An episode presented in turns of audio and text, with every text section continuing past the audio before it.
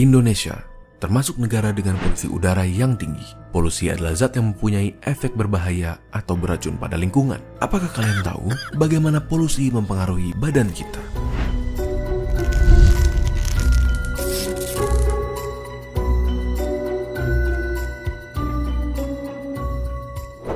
Terdapat dua cara polusi memasuki udara. Yang pertama, pollutant source, di mana polutan berasal dari satu sumber seperti emisi pabrik. Yang kedua adalah non-point source, di mana polutan berasal dari banyak sumber seperti mobil. Terdapat dua jenis polutan, di mana polutan primer adalah polutan yang dapat menyebabkan kerusakan secara langsung atau bereaksi di udara untuk membentuk zat yang merusak dan polutan sekunder, di mana polutan terbentuk sebagai hasil reaksi antara polutan primer dan komponen udara. Tiga organ utama yang dipengaruhi oleh polusi udara adalah tiga organ yang sangatlah penting, paru-paru, jantung, dan otak. Polutan di udara adalah molekul-molekul kecil yang dapat dengan mudah masuk ke dalam tubuh di saat kita bernafas. Mereka dapat menyebabkan inflamasi di paru-paru yang dapat mengakibatkannya kehilangan kapasitas dan mengurangi fungsinya seiring waktu. Penumpukan polutan ini dapat menyebabkan penyakit pada paru-paru kita seperti asma, emfisema, bronkiolitis, bahkan kanker. Terlebih lagi, molekul buruk ini bisa masuk ke aliran darah, seperti membuat jantung kita stres dan bekerja lebih keras untuk berusaha menyediakan tubuh dengan jumlah normal oksigen.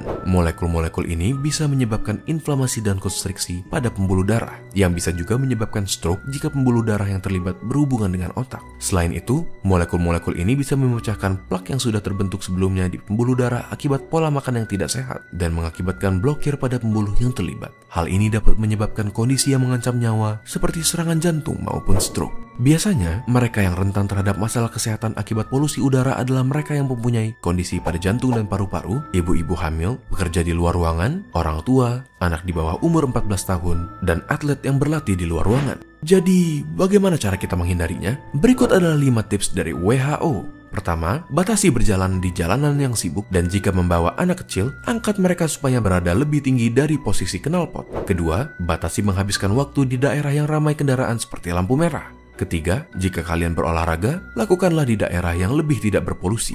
Keempat, batasi penggunaan kendaraan seperti mobil di hari yang berpolusi tinggi. Dan yang terakhir, jangan membakar sampah karena asapnya dapat merusak kesehatan kita. Mari kita sama-sama melakukan peran kita dalam menjaga lingkungan agar lingkungan pun bisa menjaga kesehatan kita. Bagikan video ini ke teman kalian untuk ikut mengajak mereka menghargai lingkungan demi kesehatan.